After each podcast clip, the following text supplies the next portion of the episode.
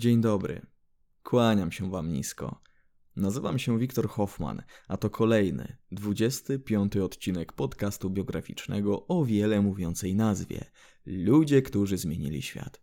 Pozwólcie, że wygodnie się rozsiądę, bo odcinek dzisiaj nieco dłuższy. Kawa też już leży obok mnie, jak zawsze zresztą przy okazji nagrywania. Więc jeśli wszystko już gotowe, i jeśli wy też już jesteście gotowi i zaciekawieni, nie pozostaje mi nic innego jak gorąco Was zaprosić do odsłuchania.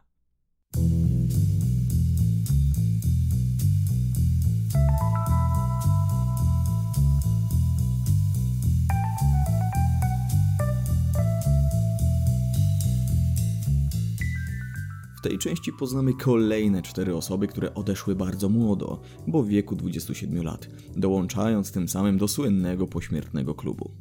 Poprzednim odcinku dowiedzieliśmy się, że w żadnym wypadku nie można mówić o zwiększonym ryzyku śmierci akurat podczas 27 roku życia, ale wyjaśniliśmy sobie też, że śmierć młodych muzyków nie jest czymś zaskakującym w kontekście ich intensywnego życia, pełnego imprez, alkoholu i narkotyków, które notabene często w ich utworach były promowane.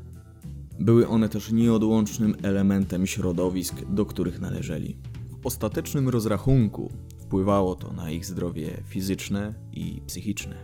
Mam nadzieję, że argumentacja, która została przytoczona w poprzednim odcinku, przekonała nas do uznania przerażającego wielu ludzi terminu za popkulturowy mit. Poznaliśmy też dwóch z sześciu najpopularniejszych członków tego klubu: Briana Jonesa, założyciela The Rolling Stones oraz Jimiego Hendrixa, wirtuoza gitary. Dzisiaj powiemy sobie o pozostałej czwórce. W rozdziale piątym usłyszymy o Janis Joplin, następnie o Jimie Morrisonie. Nie może zabraknąć też Kurta Cobaina i Amy Winehouse. Jestem przekonany, że wśród słuchaczy tego i poprzedniego odcinka znajdzie się wielu fanów tych ludzi. Z tą świadomością postaram się przedstawić ich życia tak dobrze, jak się tylko da. Na końcu może uda nam się z tych historii wysunąć jakieś wnioski. Jeśli podoba Wam się to, co robię, polubcie moją stronę na Facebooku o tej samej nazwie co podcast. Zachęcam Was też do napisania mi Waszych odczuć, na przykład co powinienem poprawić. Feedback jest dla mnie bardzo ważny. Jestem też na patronate slash Wiktor Hoffman. Pamiętajcie, że wszystkie utwory, które usłyszycie przy okazji omawiania Klubu 27 znajdziecie w opisie. Zauważyliście też, że odcinek jest nieco dłuższy. Wiem, że nie wszystkim to pasuje. Ja też się tego obawiałem, dlatego odcinki te podzieliłem na rozdziały. Łatwiej wtedy zapamiętać, gdzie się skończyło, gdy nie macie chęci lub czasu od razu przesłuchać całości. Dobrze więc, co wy na to, żebyśmy zaczęli część drugą?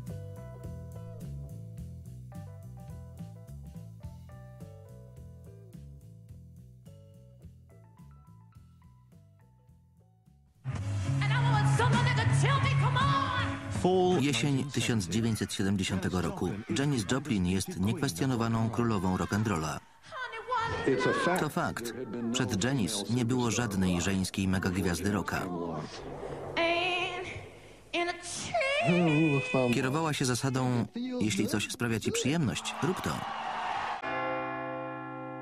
Rozdział 5. Janis Joplin Hotel Samarkand 18 września 1970 roku Godziny południowe Ratownicy po wezwaniu Moniki Daneman czym prędzej zjawiają się w pokoju 507. Na miejscu, w kałuży wymiocin dostrzegają Jimiego Hendrixa. Próbują go ratować, ale po niedługim czasie stwierdzają, że nic to nie zmieni.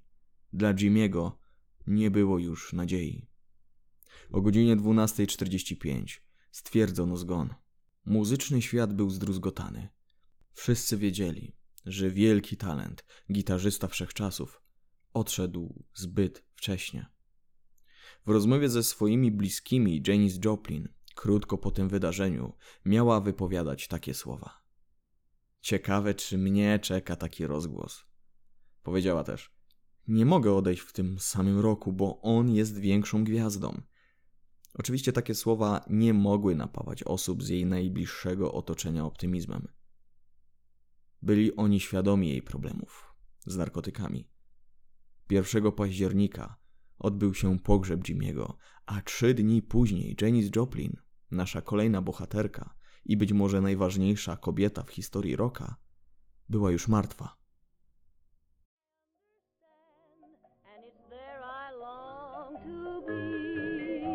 The stars at night are big and bright.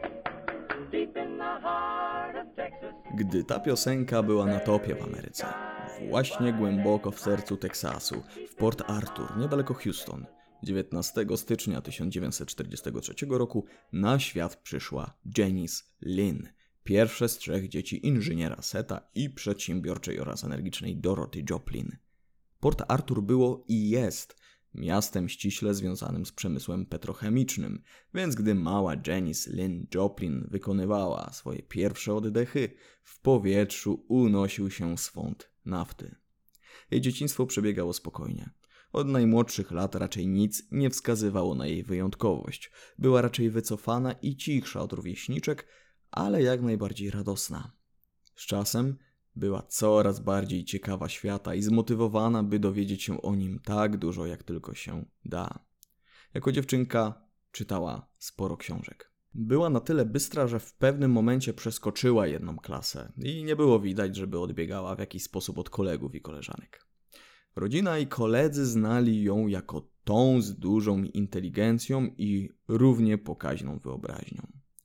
Z wiekiem jednak zwiększał się dystans między nią a innymi dzieciakami. Była uważana za coraz bardziej dziwną. Później już jako nastolatka głośno wygłaszała swoje poglądy, które nie zawsze były popularne w konserwatywnym Teksasie, przykład te związane z poparciem integracji między białymi a czarnymi. Z racji, że czuła naturalną potrzebę akceptacji, związała się z grupą miejscowych wirażków i buntowników, którzy na Janice mieli niemały wpływ. Nie tylko negatywny, bo słuchała z nimi sporo muzyki, na przykład jazzu czy bluesa. Ale w ostatecznym rozrachunku Janice stała się mocno nieznośna i hałaśliwa.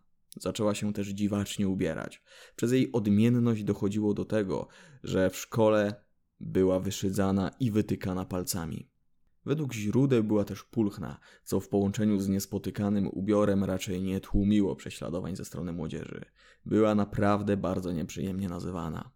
Tak jak mówiłem, dzieciństwo Janice przebiegało przyjemnie i bez większych problemów, jednak mniej więcej w okresie, gdy nasza bohaterka uczęszczała do klasy średniej, jej życie było bardzo nieciekawe. Nierzadko też odczuwała samotność. Dochodziło do tego, że nawet rodzice rówieśników Janice mówili swoim dzieciom, by ci nie kolegowali się z tą, w cudzysłowie, dziwaczką. Ale jest też coś, co w tych przykrych doświadczeniach jej towarzyszyło i podnosiło na duchu. Bardzo często malowała. Uwielbiała to i była wręcz znana z tego, że ma wyraźne zdolności plastyczne. Z czasem odkryła też śpiew. Myślę, że słowo odkryła jest jak najbardziej na miejscu. Niewiele rzeczy wskazuje na to, by śpiewała już od najmłodszych lat, by już jako dziecko marzyła o tym, by zostać piosenkarką. Zdaje się, że dopiero później, gdy była nastolatką, zwróciła uwagę na to, że potrafi coś zaśpiewać w ciekawy sposób. Wówczas zaczęła to robić coraz częściej. Nawet gdy ktoś średnio ją lubił, musiał przyznać, że jej głos jest czymś wyjątkowym, rzadko spotykanym. Miała również talent do podrabiania głosów, które słyszała. Włączała sobie płyty jazzowe, bluesowe czy folkowe i starała się to powtarzać, odtworzyć, albo identycznie, albo po swojemu. W tym miejscu zacytuję gazetę wypuszczaną przez jedną z uczelni w Austin, na którą Janice uczęszczała, ale której nie ukończyła, by unaocznić, jak jej głos był odbierany w tamtym czasie, to znaczy gdy ta miała około 20 lat. W 1962 roku gazetka wypuściła artykuł o naszej bohaterce zatytułowany Ma śmiałość być kimś innym, więc jak widzimy ciągle musiała przykuwać uwagę. Czytamy w nim tak. Ponieważ nigdy nie miała lekcji muzyki, nie potrafi czytać nut. Jej głos nie jest wyszkolony. Ale ten brak wydaje się być raczej atutem niż wadą, ponieważ Janice śpiewa z pewną spontanicznością i entuzjazmem, które czasami trudno uchwycić wykształconym głosem. Najlepiej radzi sobie z piosenkami ludowymi, którym nadaje niezwykłą interpretację. Obecną ambicją Janice jest bycie śpiewaczką ludową, choć tak naprawdę woli bluesa. Występowała w Gas House w Venice w Kalifornii oraz w Port Arthur, swoim rodzinnym mieście. Ale naprawdę zaczęła poważnie myśleć o śpiewaniu, kiedy przyjechała na uniwersytet jako studentka pierwszego roku na kierunku artystycznym. Wracając do tytułu artykułu, nawiązywał on do jej indywidualizmu i nonkonformizmu, który, jak sobie powiedzieliśmy, przejawiała. Nie bała się mówić, co myśli. Wygłaszała bardzo niepopularne opinie. Jej język był nierzadko wulgarny i bezpośredni. Przez to nazywana była bitniczką. I to jest ważne w naszym dzisiejszym odcinku. Bitnicy to kontrkulturowy, buntowniczy ruch związany z przeciwstawianiem się normom społecznym amerykańskiego powojennego świata, ściśle związanego na przykład z ogromnym konsumpcjonizmem. Warto podkreślić, że przedstawiciele tego ruchu ubierali się niechlujnie, odróżniali się wizualnie jak Janis właśnie. Ważnym elementem ich życia była ich awangardowa, przełamująca bariery, przez co nierzadko kontrowersyjna, twórczość literacka.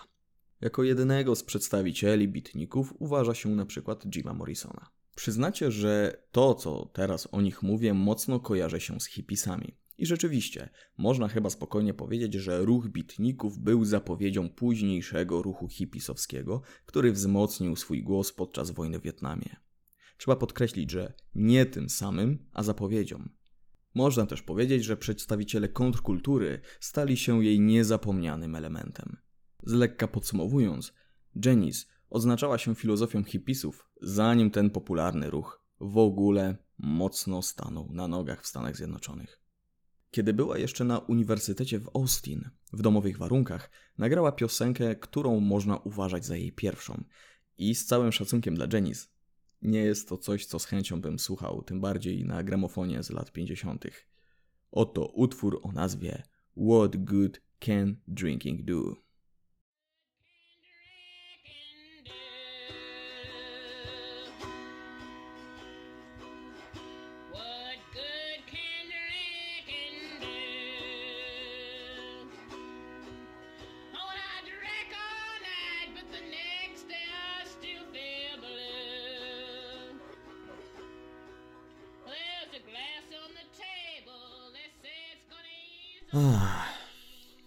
Przesłanie utworu jest następujące. Alkohol nie zabija smutku, a jeżeli już to robi, to tylko na moment, a wszystkie troski i tak po chwili wracają. Później w źródłach znalazłem informację, że James miała z nim problem i leczyła się w tym kierunku już w wieku 17 lat. Natrafiłem też na informację, że jej pierwszym utworem, jeśli można tak powiedzieć, było użyczenie głosu do reklamy jednego z banków w Teksasie, ale tego już nie udało mi się znaleźć. Janice wciąż była uśmieszana na uniwersytecie. Została nawet obwołana najbrzydszym facetem na uczelni, co pokazuje, jak daleko zaszły sprawy. Miała tego dość. Na marginesie powiem, że kilka lat później, w 1966 roku, na tym samym teksańskim uniwersytecie w Austin, niejaki Charles Whitman z wieży uczelni z karabinu odda bestialskie strzały w kierunku ludzi, zabijając 14 z nich. To była bardzo głośna sprawa w Ameryce, więc jeśli kojarzycie tę sprawę, tę tragedię, to wydarzyła się na uniwersytecie, do którego na chwilę uczęszczała Janice.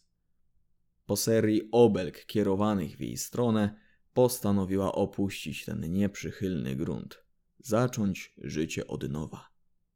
Jaki kierunek obrała?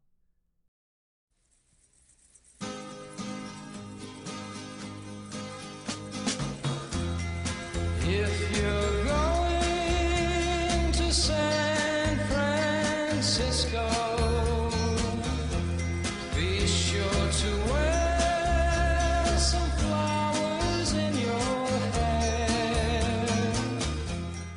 San Francisco miała się udać w styczniu 1963 roku.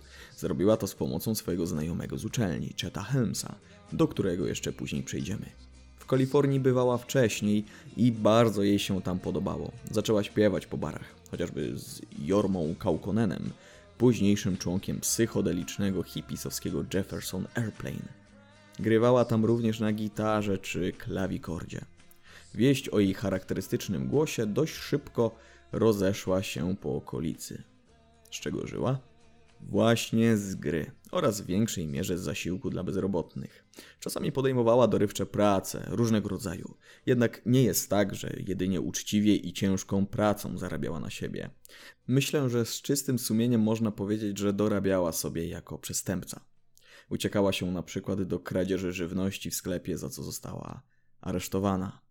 W okolicach 1964 roku w San Francisco miała być już dobrze obeznana z narkotykami. Sama zaczęła rozprowadzać amfetaminę i metamfetaminę. Fakt, że wstrzykiwała sobie tę drugą substancję, powodował, że chudła w oczach. Ci, którzy wcześniej przyzywali ją w szkole od świni, gdyby zobaczyli ją już w 65 roku, mocno by się zdziwili. San Francisco wpadała w długie narkotykowe ciągi. Nie można też powiedzieć, że odznaczała się wstrzemięźliwością seksualną, więc zbierając to wszystko do kupy, to w żadnym razie nie nazwałbym tego okresu w jej życiu jako bardzo chlubny i wpływający na dobry obraz naszej bohaterki. Myślę, że nawet fani Janice przyznają mi rację. Szybko straciła nad sobą kontrolę, której na dobrą sprawę nie odzyska już nigdy. Była niewątpliwie zagubiona. Co do jej twórczości w tamtym czasie, to nagrała króciutką płytę ze wspomnianym wcześniej Jormą Kaukonenem. Puszczę wam fragment tego duetu. Jak się przysłuchacie, stwierdzicie, że w tle słychać maszynę do pisania. Bo to prawda. Płyta była nagrywana w domu Kaukonenów i dlatego czasami przebija się dźwięk, jak żona Jormy próbuje coś na niej napisać.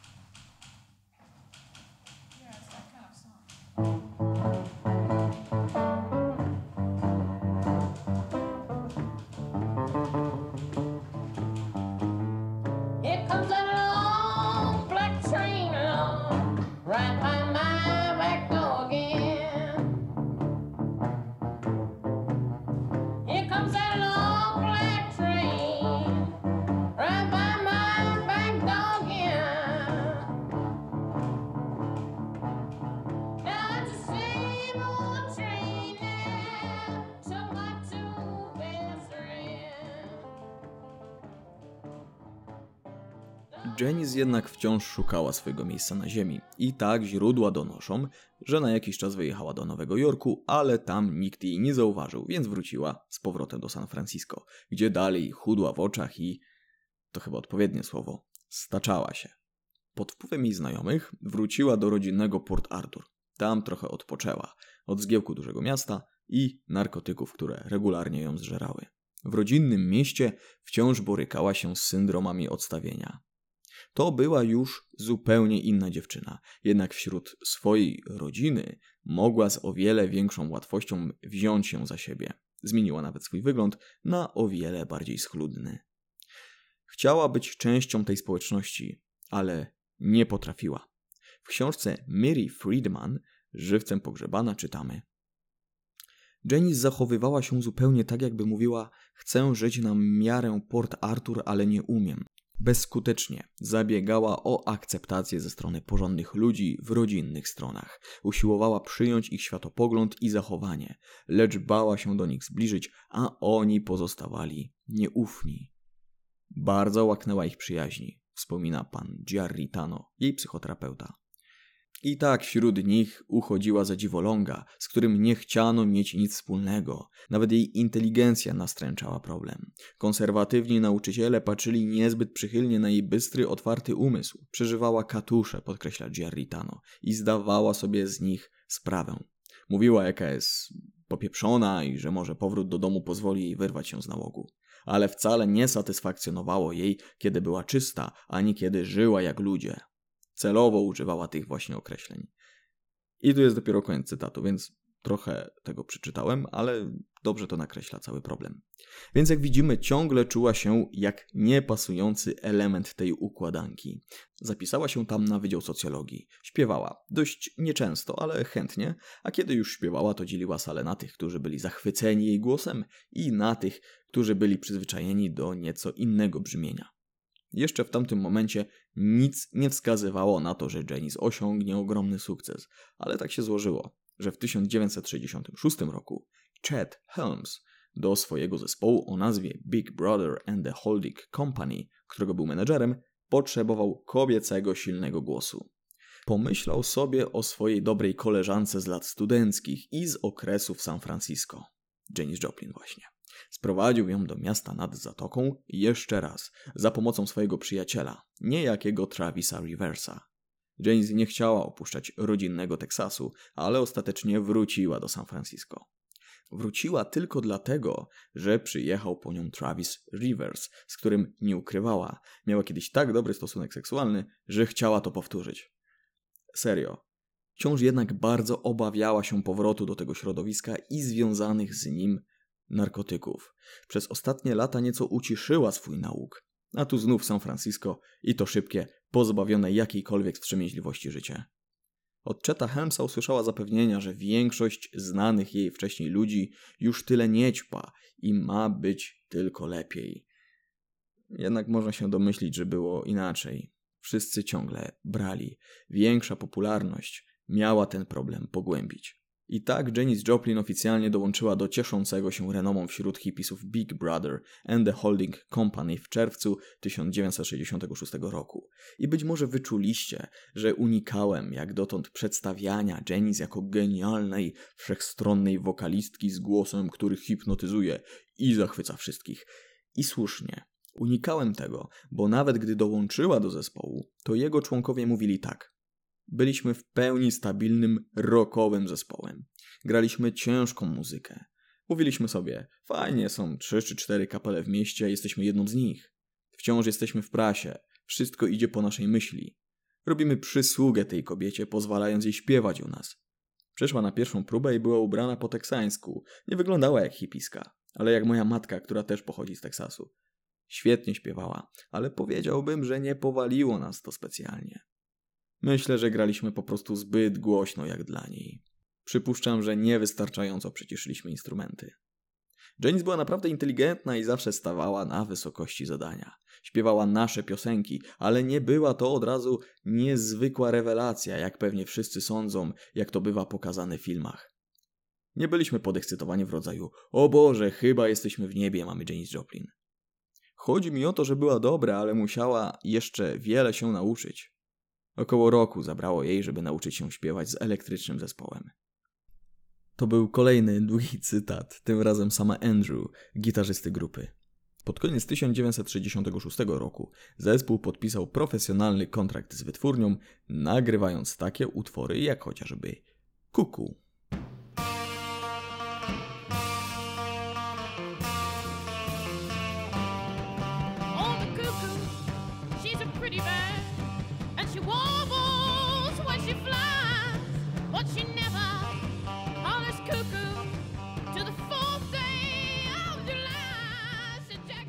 Wytwórnia jednak, bojąc się średniego przyjęcia albumu, wstrzymała jego wydanie.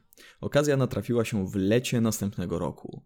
Pamiętacie na pewno z pierwszej części, co miało bardzo ważny wpływ na rozwinięcie się kariery Hendrixa. Monterey Pop Festival, który można uważać za pierwowzór wszystkich wielkich festiwali muzycznych na całym świecie.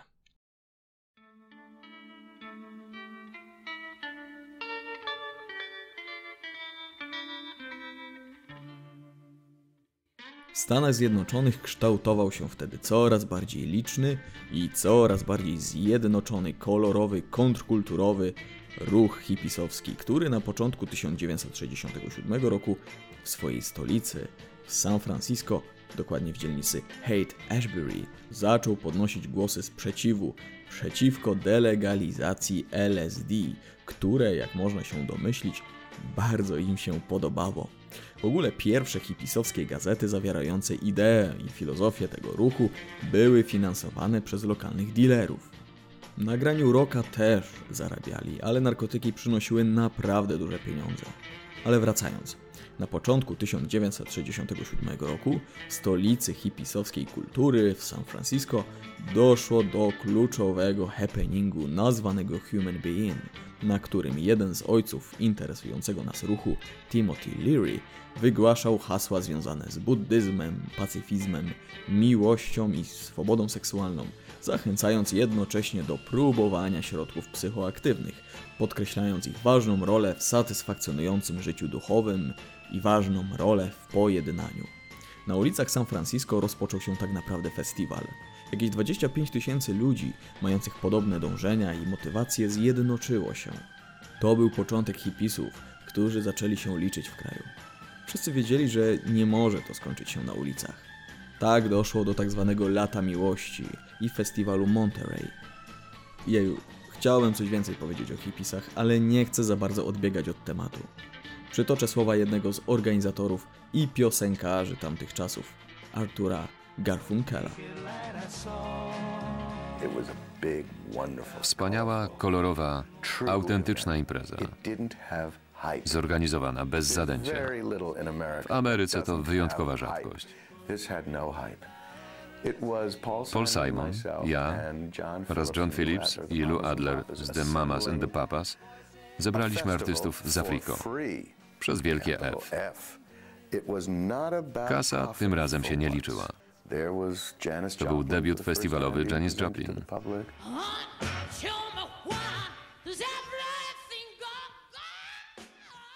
Monterey to nie byli tylko grający za darmo popularni muzycy oraz publika lata miłości, ale też dyrektorzy wielkich wytwórni, którzy obserwowali, co ciekawego dzieje się na scenie.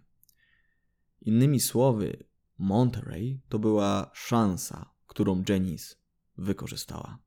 Mieszkanka San Francisco, z racji swojego niezwykle charakterystycznego i energicznego występu, stała się niezwykle popularna. Niezwykłe w niej było to, że potrafiła wskoczyć w jakikolwiek gatunek muzyczny, czy to blues, czy to folk, czy soul, i zrobić show. Związana z zespołem, który miał już niezłą renomę wśród hipisów, sama stała się automatycznie ikoną tego ruchu. W 1968 roku zespół wydał album Cheap Thrills. Był to ich pierwszy album, który okazał się sporym sukcesem. Talent Janice i jej wartość były już na tyle widoczne, że gdziekolwiek by poszła, cokolwiek by uczyniła, to poszłaby za nią wielka rzesza fanów. Uważano, że reszta muzyków zespołu nie zasługuje na Janice, że są oni zbyt słabi dla niej. Jeszcze w tym samym roku, we wrześniu, Janice ogłosiła, że chce zacząć inną, własną drogę. Założyła swój zespół o nazwie Cosmic Blues Band, który raczej szedł w bardziej soulową stronę w porównaniu z rockowym Big Brother. Oto jeden z utworów z ich płyty o nazwie. Maybe,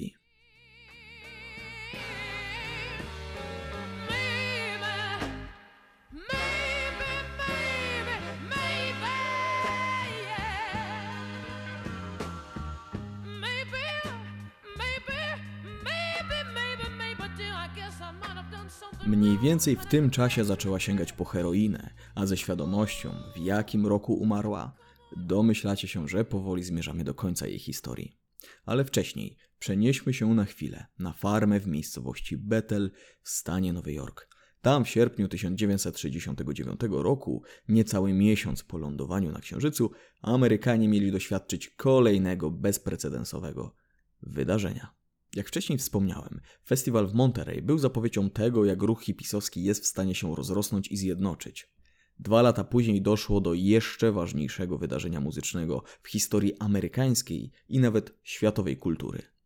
Po festiwalu Woodstock Pete Townshend, znany nam już lider The Who, powiedział: Myślałem, że cała Ameryka zwariowała.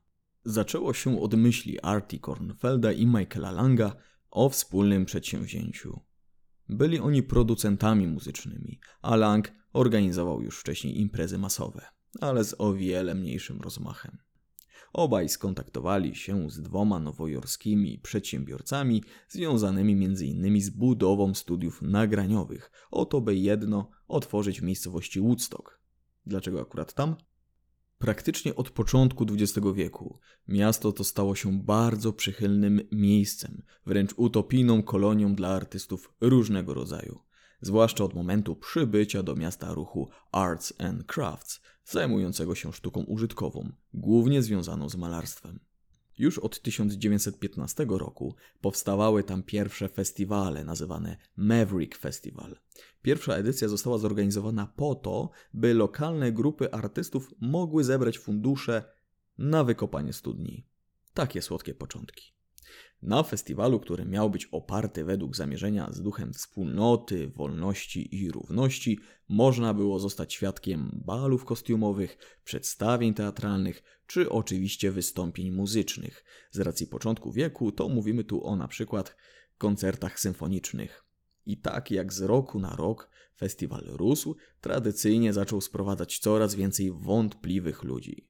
Pijaństwo, orgie w lesie i najróżniejsze nielegalne substancje w dużych ilościach powoli zaczęły wypaczać pierwotnie przyjęty koncept tego wydarzenia. Mimo wszystko Woodstock stał się przez tą historię kolonią aktorów, muzyków, pisarzy i ludzi najróżniejszych filozofii. Jest tam nawet oddzielny cmentarz, tylko dla artystów. Więc jak widzimy, nic dziwnego, że to tam dwójka producentów, Michael Lang i Artie Kornfeld, postanowili wybudować nowe studio nagraniowe.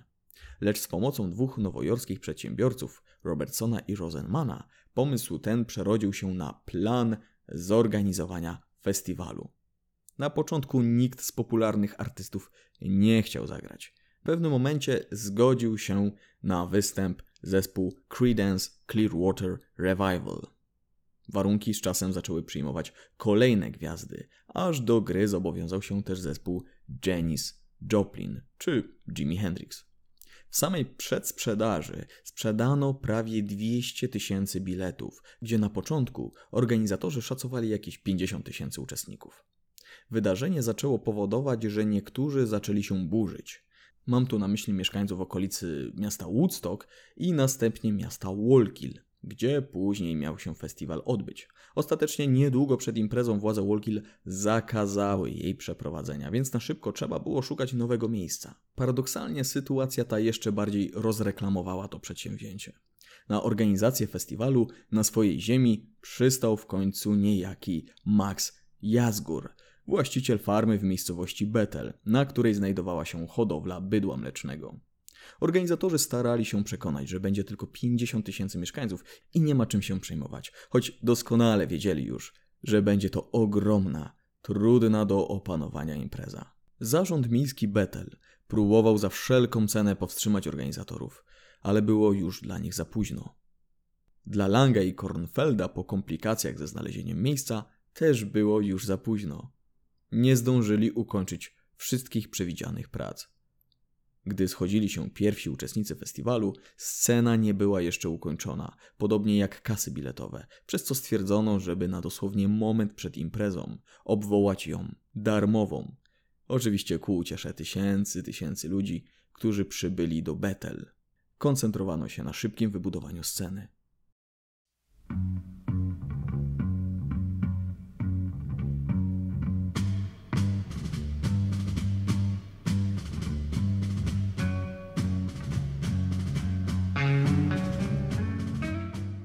Było już jasne, że festiwal Woodstock stanie się finansową katastrofą, ale patrząc przez pryzmat tego, że na imprezie zjawiło się jakieś pół miliona uczestników, wszyscy wiedzieli, że przejdzie ona do historii amerykańskiej kultury.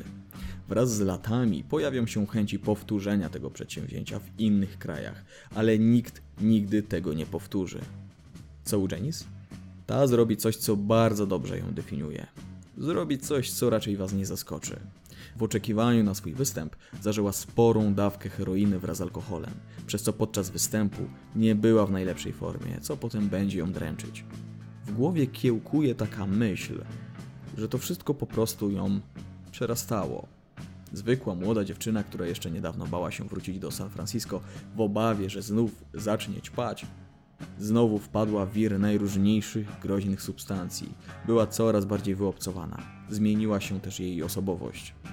To po prostu nie mogło napawać optymizmem.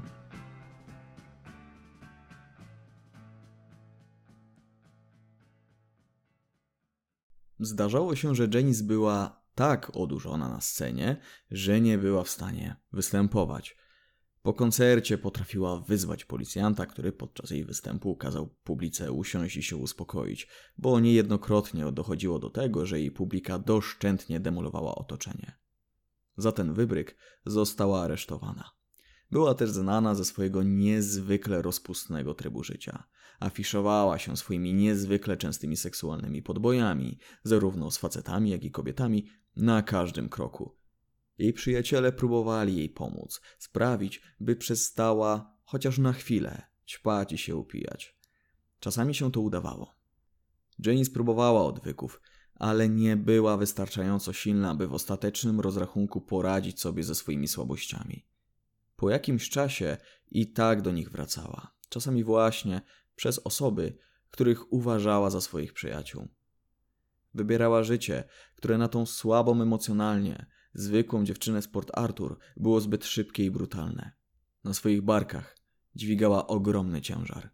W 1970 roku wraz ze swoim zespołem Full Tilt Boogeyman u boku producenta Paula Rothschilda, który współpracował przez kilka lat z The Doors, zaczęła pracę nad swoim albumem o nazwie Pearl. Dlatego Pearl, bo Janice sama była nazywana Perłą. Podczas tamtego lata nasza bohaterka potrafiła być naprawdę w dobrej formie. Sprawiała wrażenie pozytywnie nastawionej do życia i produktywnej, ale jedynie przez moment. Gdy po dłuższym czasie wróciła do Port Arthur, już jako wielka gwiazda chcąca spojrzeć swoim rówieśnikom, którzy z niej szydzili, w oczy, i tak była postrzegana jako wyrzutek. Takie sytuacje jak ta zwiększały tylko jej okropne samopoczucie w jej ostatnich miesiącach. 24 sierpnia zameldowała się w Landmark Motor Hotel w Hollywood. Pozostanie tam do swojej śmierci. To w nim będzie mieszkać, gdy będą trwały prace nad nowym krążkiem. Była wtedy w związku z Setem Morganem, z którym nawet zaręczyła się na początku września. O tej burzliwej relacji w kontekście tego, co wydarzy się niedługo po zaręczynach, nie będę mówił, bo nie będzie to miało już niestety większego znaczenia. Ale Janice miała już planować nawet z nim ślub. Według niektórych relacji Janice nie ćpała przez ostatnie 6 miesięcy swojego życia, co nie jest prawdą. Jej przerwy z natury były niedługie. Raczej wszystkie osoby z jej najbliższego otoczenia wiedziały, że i tak wróci do ubrania. Pewnego dnia u lokalnego dealera zaopatrzyła się w niezwykle mocną heroinę. Jak bardzo. Heroinę, którą najczęściej było można kupić na ulicy, była około 3-4%. Janice kupiła towar, który miał w sobie jakieś 50% tej substancji. 4 października, po jednym z dni w studiu nagraniowym, mniej więcej pół godziny po północy, wraca do swojego pokoju hotelowego. Jest w nim sama. Strzykuje sobie śmiertelną dawkę narkotyku. Od tego momentu już nie ma dla niej żadnej nadziei. Schodzi jeszcze na dół, by w recepcji rozmienić banknot, by z maszyny na papierosy pobrać jedną paczkę. Człowiek w recepcji będzie ostatnią osobą, która zobaczy ją żywą. Niedługo po powrocie do pokoju Janice upada. Nie można było przeżyć tej dawki. Przedawkowanie było potężne. I tak jak widzimy, albo raczej słyszymy, biografia Janis Joplin jest kolejnym świadectwem problemów, z jakimi borykali się muzycy tamtych czasów oraz dowodem na to, że Klub 27 przyciąga też osoby wewnętrznie niezwykle kruche. Wydaje się, że już od najmłodszych lat Janice nie zapowiadała się na osobę, która będzie w stanie temu wszystkiemu podołać. Jej wielka kariera zaczęła się przypadkiem. Stała się też niestety gwoździem do jej trumny. Prochy Janice rozsypano nad Oceanem Spokojnym u wybrzeży Kalifornii. Przed wami jej ostatni utwór, jaki nagrała.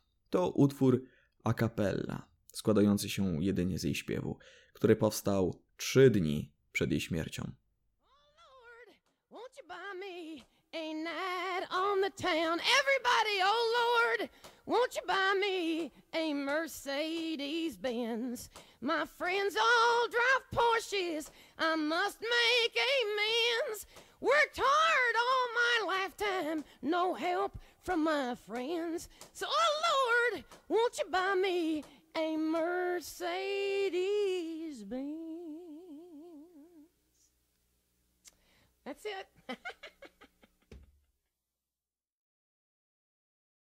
Rozdział szósty. Jim Morrison. Right,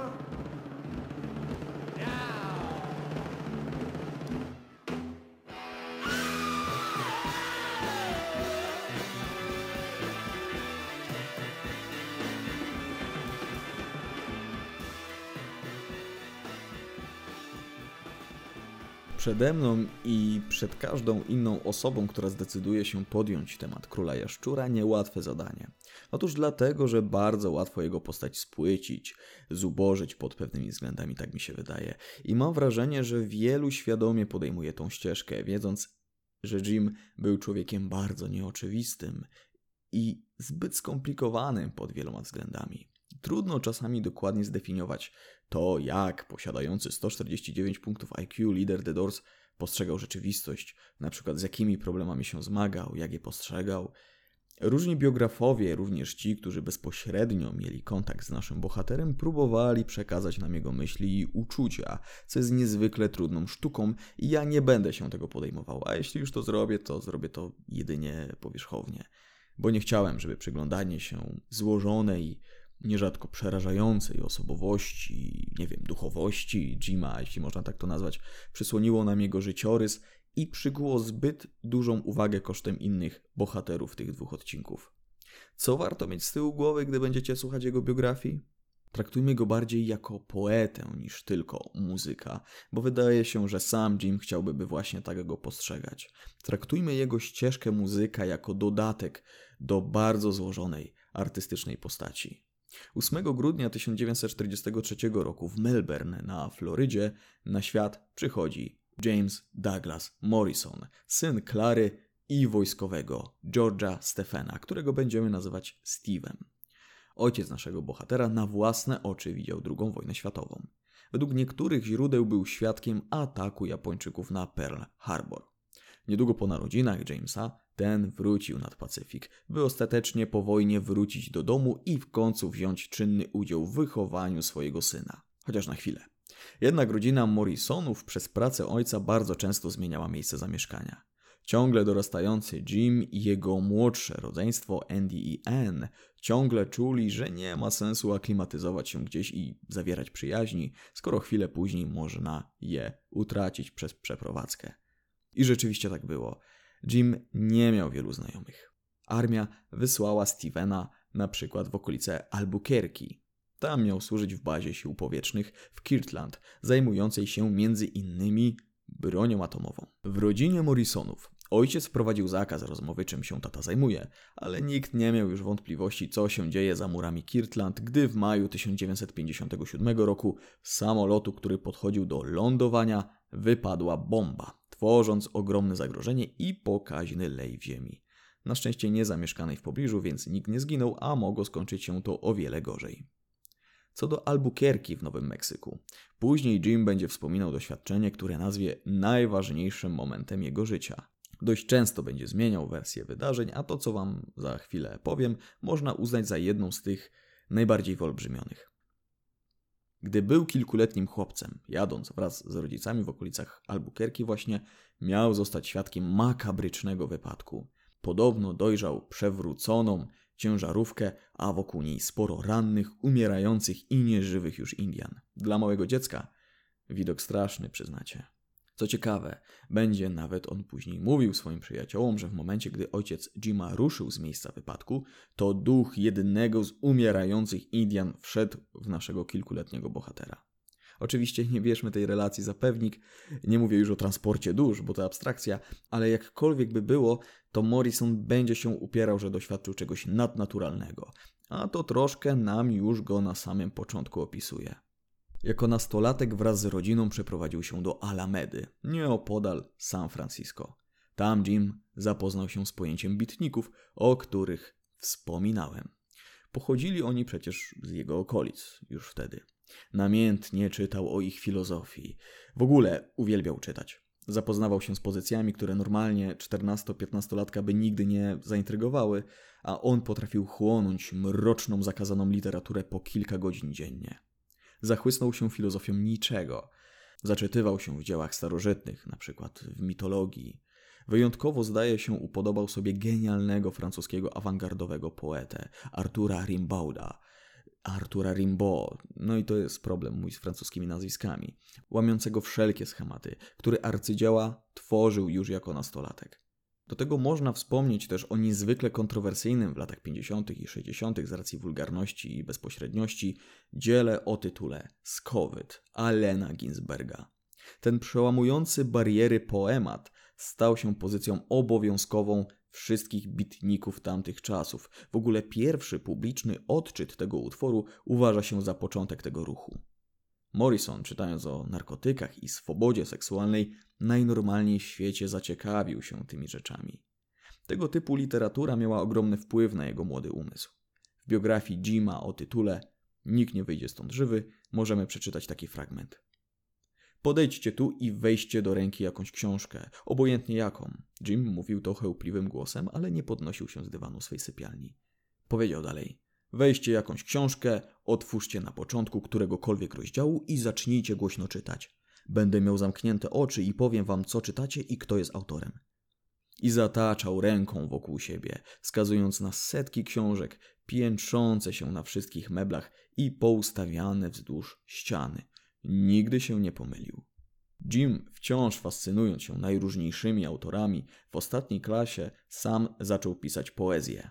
Wcześniej w swoich dziennikach zapisywał codzienne spostrzeżenia i obserwacje, które potem przelewał w swoje utwory. W tej samej książce, którą zacytowałem przed chwilą, autorzy napisali tak. Dla niego bycie poetą oznaczało więcej niż tylko pisać. Wymagało to również zaangażowania w życie i w śmierć, w wielkim stylu i z jeszcze większą nostalgią, budzenia się codziennie rano z gorączkowym drżeniem, które uspokoić może tylko śmierć. Motyw śmierci był bardzo często pojawiającym się motywem w jego poezji. To oczywiście nie może świadczyć dobrze o tym, co się działo w głowie Morrisona. To, czym się karmił, zmieniało go. Był dziwnym, totalnie innym od reszty dzieckiem i nastolatkiem. Żył w swoim tajemniczym świecie. Dla niektórych był kimś obłąkanym, ciągle zamyślonym. Zmiany w jego osobowości następowały bardzo szybko. Znalazłem informację, że swojej koleżance, którą można nazwać jego miłością, potrafił wykręcić ręce, mówiąc, że mógłby pociąć jej twarz ostrym nożem. No, to jest coś strasznego. Według relacji był inteligentnym młodzieńcem. Dobrze radził sobie w szkole bez praktycznie żadnego wysiłku, ale zobaczmy, jak przy tym momentami przerażający był. Życia ułatwiać mu nie miał kontakt z rodzicami, zwłaszcza z ojcem. Nie pocieszał go raczej fakt, że Jim osobiście nienawidził wojska i nie chciał do niego wstąpić. Jednak chciałbym troszkę go usprawiedliwić. Mówię tu o ojcu Jima. Był on surowy i stanowczy, jak przystało na wojskowego z krwi i kości, ale nie okrutny i bezduszny. Jak tak rozczytuje się w różnych źródłach, to popularną, wygodną opinią jest ta, że ich kontakt był tragiczny, ale nie było tak źle, jak mogłoby się wydawać. W wywiadach po śmierci Jima jego rodzina, której trudno było go zrozumieć, wypowiada się o nim ciepło. Sprawiał kłopoty, dlatego niesnaski między nim a rodzicami to było coś oczywistego.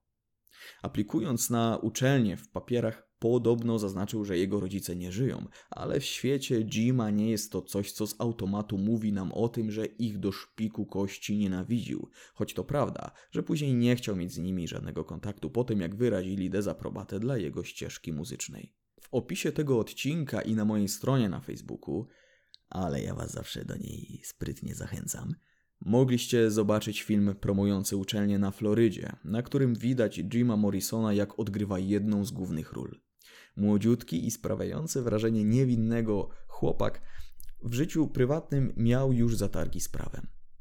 Za awantury po pijaku i kradzieże został aresztowany. Ale był to oczywiście dopiero początek. Potem jego afery będą miały skalę krajową.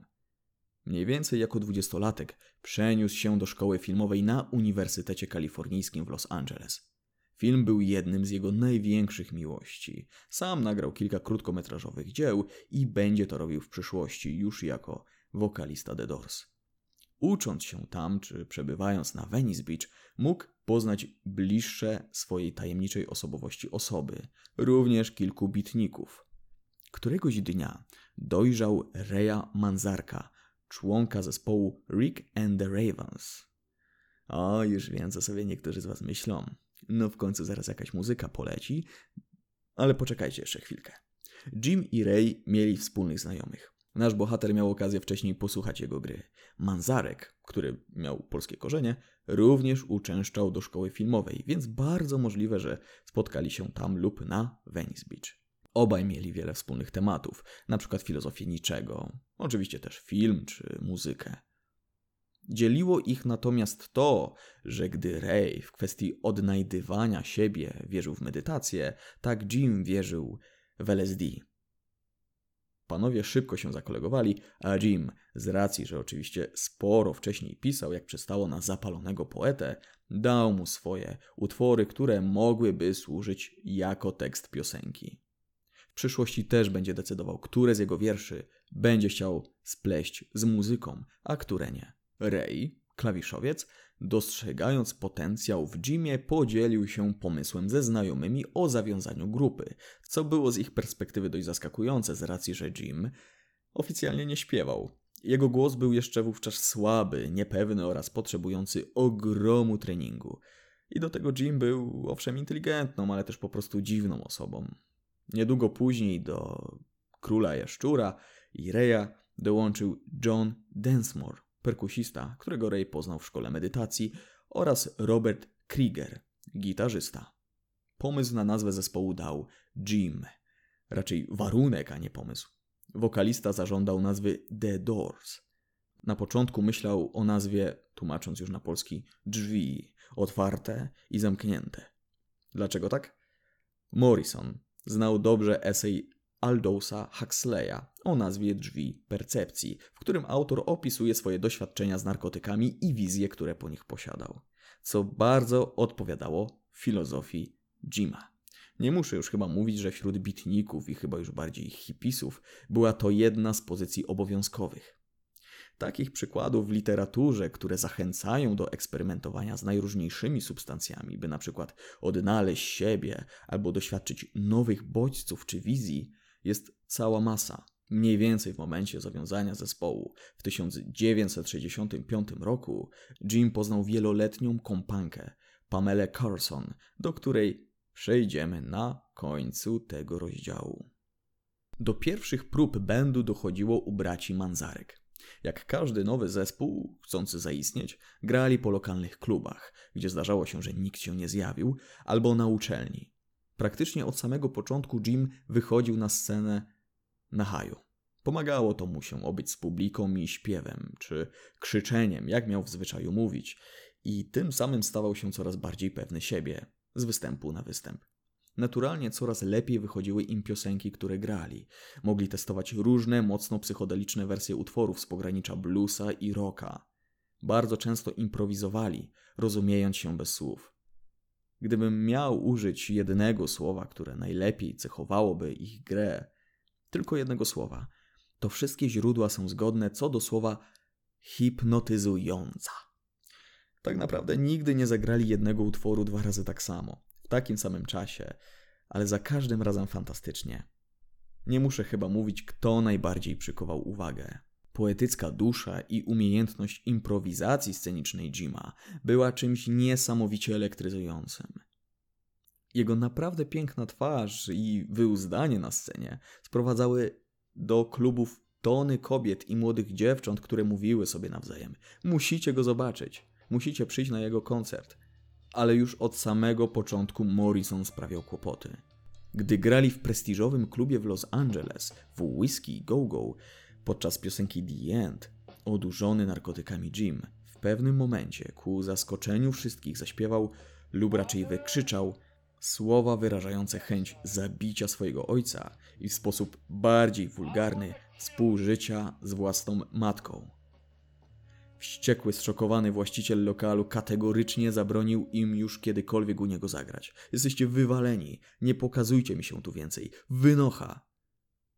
Jim, zakochany w dziejach i literaturze starożytnej, miał na myśli mit o królu Edypie, ale rzecz jasna, niełatwo było się tego domyślić, o co mu mogło chodzić tak od razu. To nie pierwszy i nie ostatni raz, gdy zachował się mocno nieprzewidywalnie na scenie, przekraczając znane wszystkim granice. No ale właśnie to było domeną legendarnych muzyków w tamtych czasach. Nie tylko na scenie, bo dojdzie do tego, że zdemoluje studio nagraniowe totalnie nietrzeźwy, na przykład zalewając je gaśnicą. Brak możliwości grania w klubie whisky nie był jednak tragedią, bo mieli już dogadany kontrakt z wytwórnią Elektra Records. Ich producentem miał zostać wspomniany wcześniej Paul Rothschild, który doskonale wykorzystał potencjał zespołu. Chased our pleasures here, dug our treasures there. Still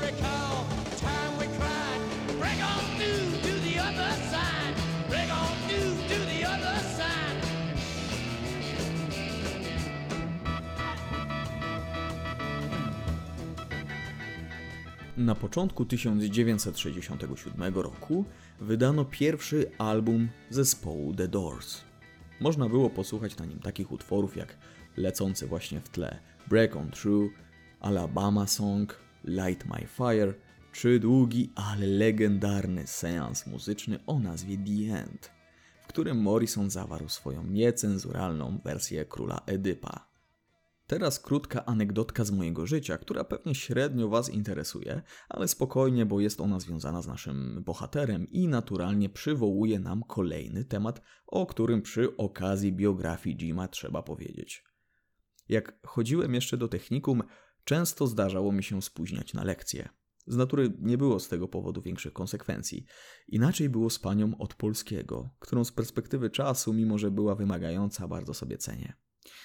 Na te zajęcia zawsze bałem się spóźniać, bo wiedziałem, że moment, w którym będę zajmował ławkę, będzie okupiony chwilą niezręcznej ciszy, a następnie jakąś małą karą różnego rodzaju. I któregoś dnia rzeczywiście wszedłem do klasy zbyt późno. Miałem na sobie koszulkę z Jimem Morrisonem, z latami jego życia i dopiskiem An American Poet. Miałem ją tylko dlatego, że mój starszy brat Micheasz ją nosił, ale ta skurczyła się któregoś dnia w praniu, więc ją po nim odziedziczyłem. Pani od polskiego znała Jima. Ja też już wówczas słuchałem trochę The Doors. Może chłopaki w okolicach mojego wieku potwierdzą, że można było natrafić na ten zespół w jednej z gier komputerowych o nazwie Need for Speed Underground 2 w jakimś dziwnym remiksie ze Snoop Dogiem. Ale no, znałem już wtedy The Doors i lubiłem ich słuchać. Za karę za spóźnienie dostałem zadanie interpretacji tekstu napisanego przez Jima Morrisona do piosenki The End. I mówię, nie jest źle, damy radę i wpisałem tekst. Przeczytałem go kilka razy i spytałem sam siebie, o co tu biega. Temat poezji Jima, jego konstrukcji i znaczenia jest bardzo ciekawym tematem, ale też niewątpliwie trudnym. W poprzednim odcinku przy okazji śmierci Briana Jonesa chciałem zacytować fragment Ody do Los Angeles, ale brak subtelności w tym tekście średnio wpisywał się w zakończenie historii o Brianie. Być może to odpowiedni czas, więc to zacytuję, pokazując zawiłość tej twórczości, zaznaczając, że Morrison podobno sam odczuwał wielki strach przed tonięciem. Odchodzi, tonąca w jedwabiu. Chlor, marzenie, szalony, zgnębiony świadek. Trampolina, skok, basen. Byłeś wojownikiem, a damaszkową, piżmową muzą. Byłeś zbielałym słońcem dla telewizyjnego popołudnia. Rogate ropuchy, odmieniec żółtego znamienia. Poezja, którą tworzył, była wiadomością od autora oraz główną miłością Jima, przysłoniętą przez jego muzyczny wizerunek oraz nawet przez jego przyciągającą urodę.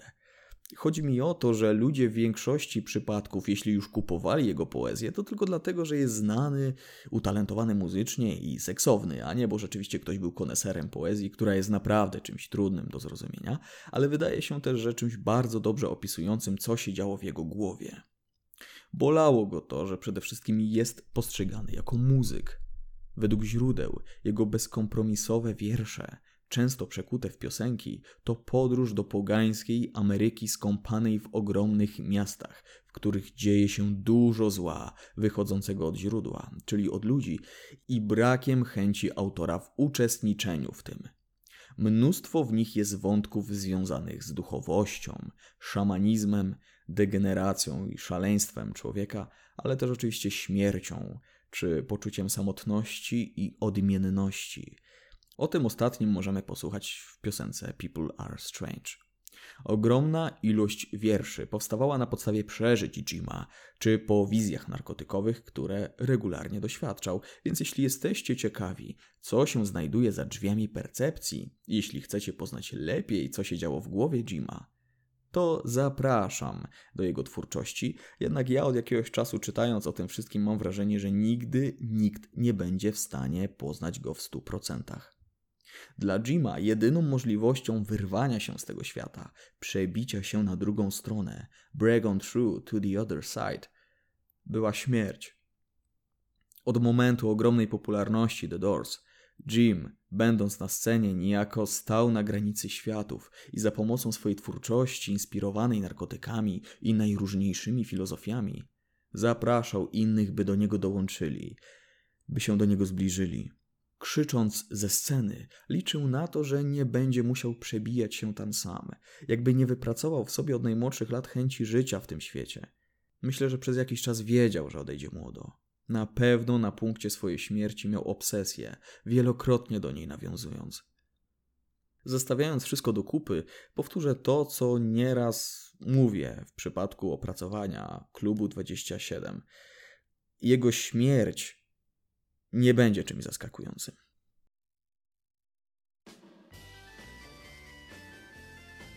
Bardzo szybko przyszła ogromna sława i ogromna moda na The Doors. Głównie dzięki utworowi Light My Fire, którego instrumental słyszycie teraz w tle.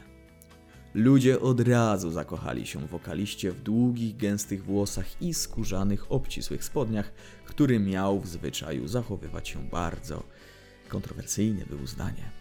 Występując regularnie w programach telewizyjnych, zyskiwali jeszcze większą popularność, ale nie każdy był gotów na zapraszanie ich przez Jima. Na przykład w jednym z popularnych programów w Ameryce, Jim w utworze Light My Fire miał nie śpiewać części, w której tekst mówi o haju narkotykowym Gear you couldn't get much higher, ale Jim i tak to zrobił. Na słynnym festiwalu w Monterey nie wystąpili, prawdopodobnie z racji, że The Doors stało się popularne trochę za późno. To mniej więcej w tym czasie rozczarowany, unikający z kimkolwiek kontaktu Jim, ku zdziwieniu wszystkich, po raz pierwszy próbował rozebrać się na scenie. Do tego jeszcze przejdziemy. Jedną z bardziej znanych afer z jego udziałem jest ta z miasta New Haven z grudnia 1967 roku, kiedy to Jim nakryty na zabawie z jedną z fanek przez policjanta, dostał od niego gazem w twarz. Policjant, myśląc prawdopodobnie, że to jakaś przypadkowa para za kulisami, powiedział im, żeby się rozeszli. Jim w obraźliwy sposób kazał mu zjeść jego przyrodzenie, jakkolwiek to brzmi, i za to mu się oberwało. Tego samego dnia, już podczas koncertu, nawiązał do tej sytuacji. Chcę wam opowiedzieć o czymś, co zdarzyło się kilka minut temu, tutaj, w New Haven. Bo to jest New Haven, tak? New Haven w stanie Connecticut, w Stanach Zjednoczonych Ameryki, zgadza się?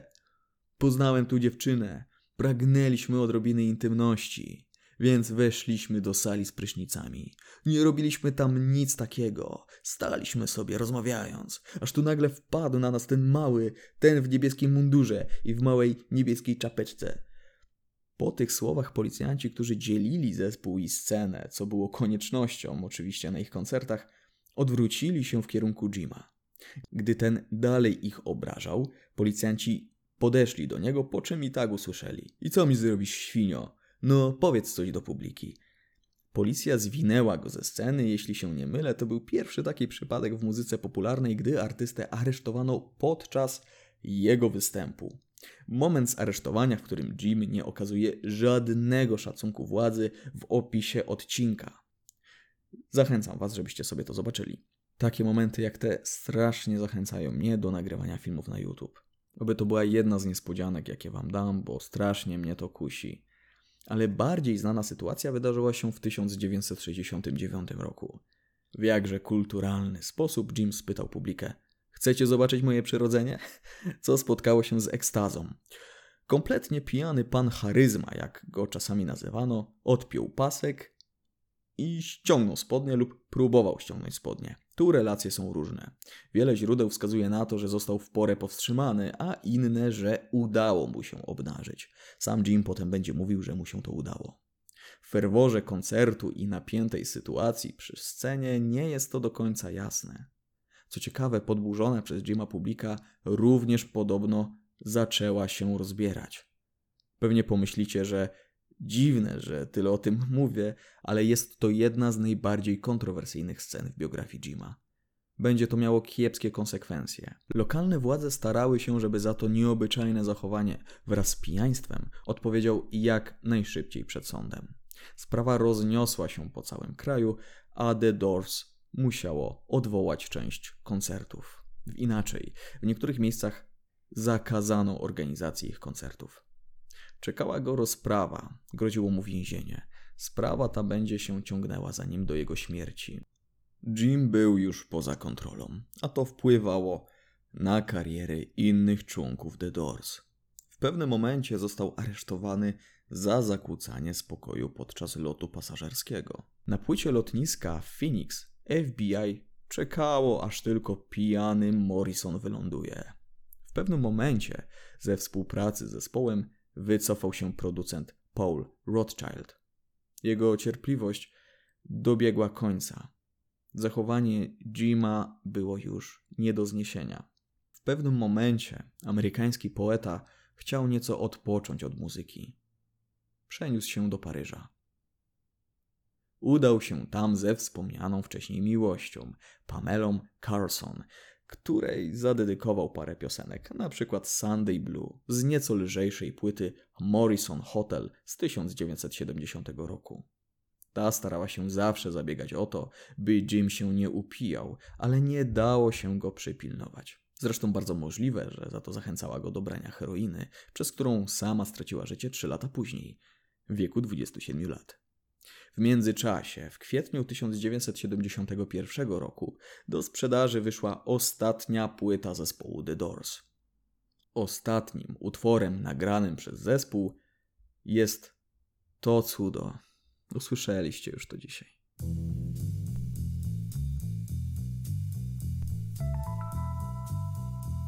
Nasz bohater przez swój tryb życia strasznie podupadł na zdrowiu. Kaszlał krwią i źle mu się oddychało. Miał duże problemy z płucami. Mimo wszystko znajdował siły, by odwiedzać kolejne bary i restauracje, w których się tradycyjnie upijał, a później rozrabiał. Fakt, że był w Paryżu, zapewniał mu o wiele mniejszą rozpoznawalność i tym samym nieco więcej spokoju. Oficjalna wersja wydarzeń związana ze śmiercią artysty jest oparta na zeznaniach Pameli Carlson. 3 lipca 1971 roku Pamela, budząc się wcześniej rano, zajrzała do łazienki. Zobaczyła tam martwego już Jima leżącego w wannie. Na jej brzegach spoczywały ręce legendy. Jego głowa była skierowana ku górze. Bezpośrednią przyczyną śmierci była niewydolność serca. Co ciekawe, wieczór przed śmiercią Morrison mógł przebywać w klubie Rock and Roll Circus, które było mekką dla handlarzy heroiną. Bardzo możliwe, że ją zażył, mieszając ją tym samym z ogromnymi ilościami alkoholu.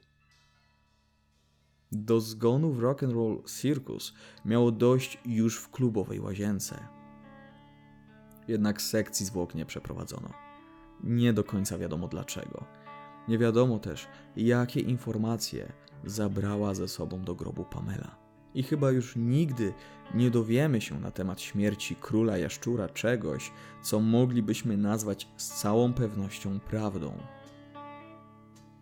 Fani i świat rozpaczał, ale ten przeszedł w końcu tam, gdzie chciał. Na drugą stronę. Przeszedł tam, gdzie przez swoją twórczość zapraszał i dokąd wiedział, że przyjdzie mu dość szybko trafić. This is the end, beautiful friend. This is the end, my only friend, the end of our elaborate plans, the end of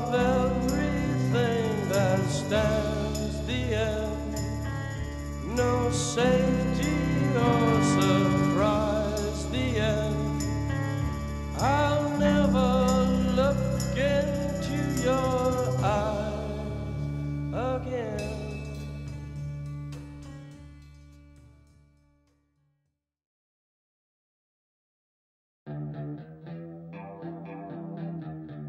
Rozdział siódmy.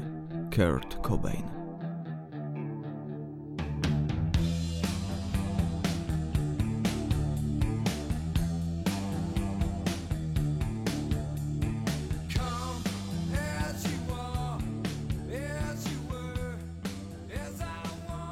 Come as you are.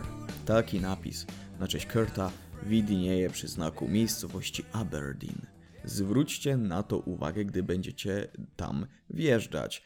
Ale szczerze w to wątpię, że udacie się w tamtym kierunku, bo to smutne, upadłe miasto w stanie Waszyngton, pełne błota i biedoty. Tam na świat przychodzi Kurt, syn Wendy i mechanika samochodowego Donalda.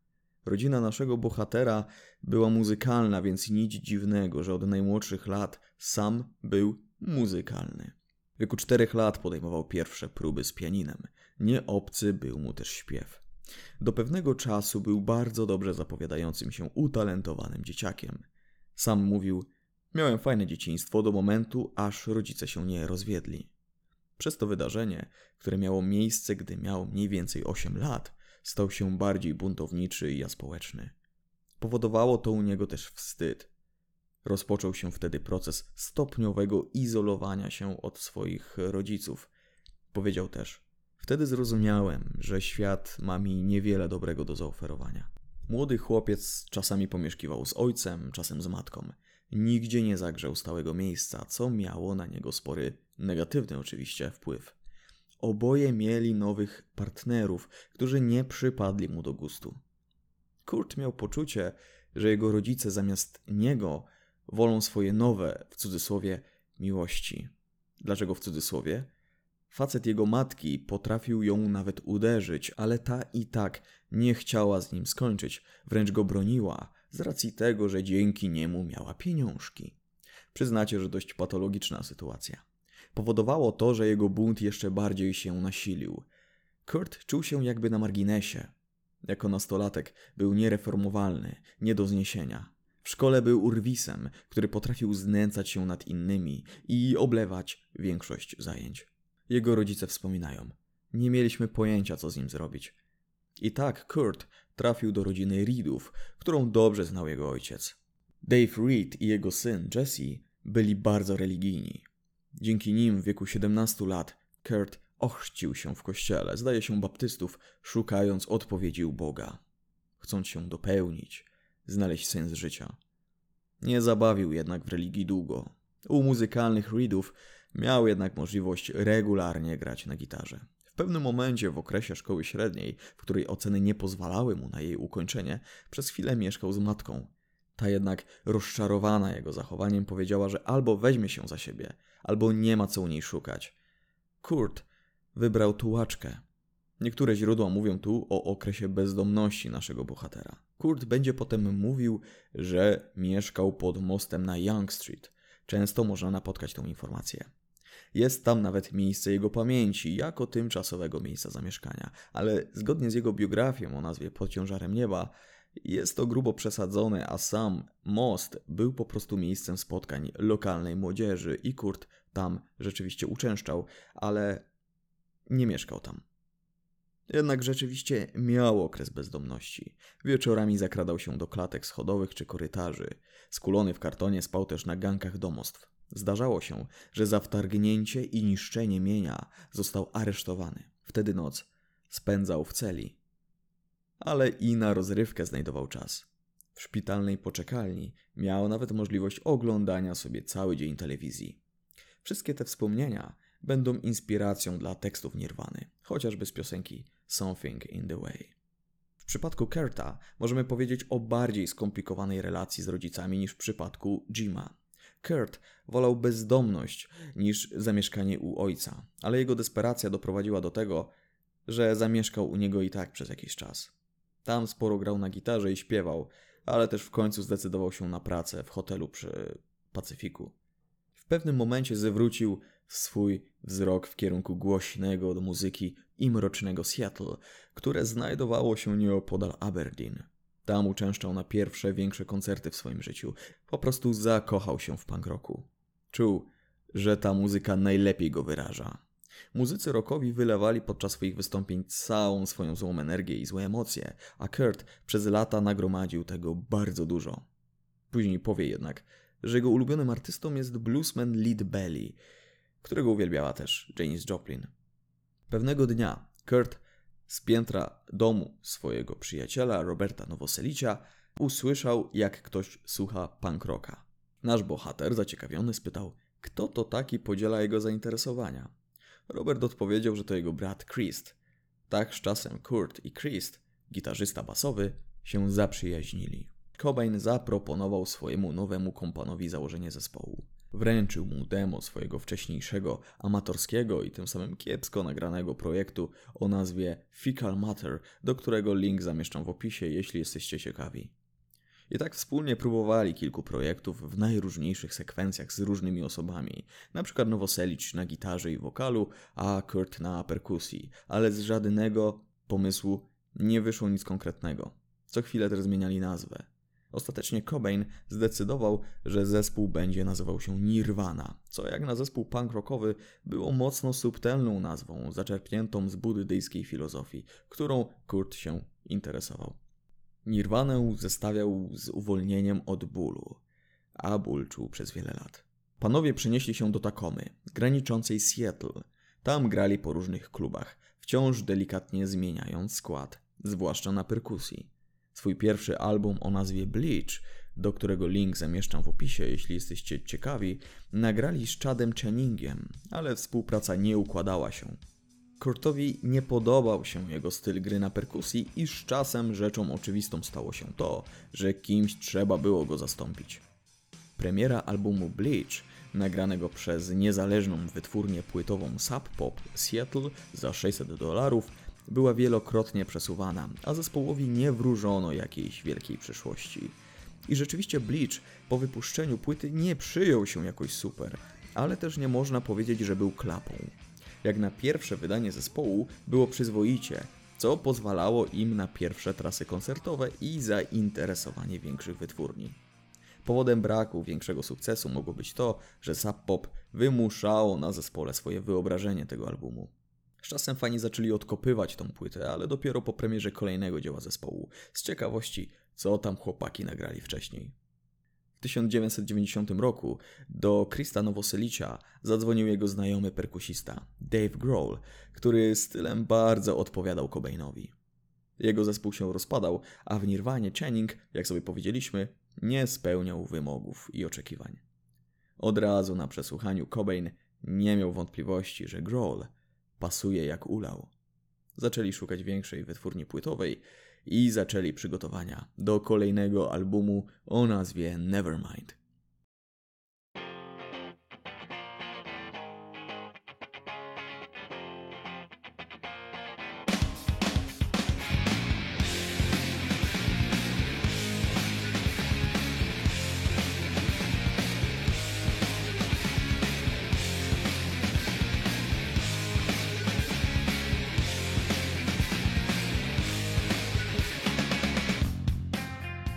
Czasie, kiedy płyta powstawała i była już bliska wydania, Kurt ciągle nie miał pieniędzy i zdarzało się, że spał w aucie.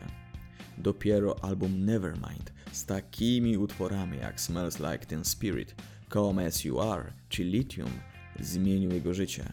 Nastała ogromna moda na Nirwanę. Stacja MTV, która jeszcze wtedy nie puszczała programów z nadmiernie opaloną młodzieżą, namiętnie puszczała utwór Smells Like Teen Spirit, którego chyba nie trzeba nikomu przedstawiać. Album ten spopularyzował ruch grunge'owy. Krzyk Cobaina stał się krzykiem pokolenia. Dzięki temu albumowi rock wrócił do łask, znów był na językach wszystkich. Praktycznie powtórzyło się to, co miało miejsce na przełomie lat 60. i 70. Ogromna sława, mimo że rzecz jasna powodowała wzbogacenie się członków zespołu, nie przysparzała Kurtowi radości. Mimo że był na szczycie, uważał, że jego wizja i przesłanie jest niezauważalne. Miał poczucie, że większość rzeczy, które zawierał w swoich piosenkach, ulegały złej interpretacji. Na albumie Incesticide, który objawia poglądy Kurta, możemy spotkać się z jego cytatem. Mam prośbę do naszych fanów. Jeżeli którykolwiek z Was w jakikolwiek sposób nienawidzi homoseksualistów, ludzi o innym kolorze skóry lub kobiet, zrób nam jedną przysługę. Odwal się od nas. Nie przychodź na nasze koncerty i nie kupuj naszych płyt. Dobrze to pokazuje, jaki cel w swojej twórczości miał Kurt. Przede wszystkim zrozumienie, coś czego pragnął już od najmłodszych lat. Nic dziwnego, że z całego poruszenia wokół Nirwany miał w zwyczaju robić sobie żarty, jakby nie brał tego na poważnie. Prześmiewczo podchodził do wywiadów, do ubioru i czasami do samej gry. Nie idzie zliczyć, ile razy wykonywał najróżniejsze wersje Smells Like Teen Spirit, jak chociażby wtedy, kiedy w jednym z programów Kurt miał zaśpiewać, gdy instrumental utworu leciał z playbacku. Kurt rozegrał to w swoim stylu.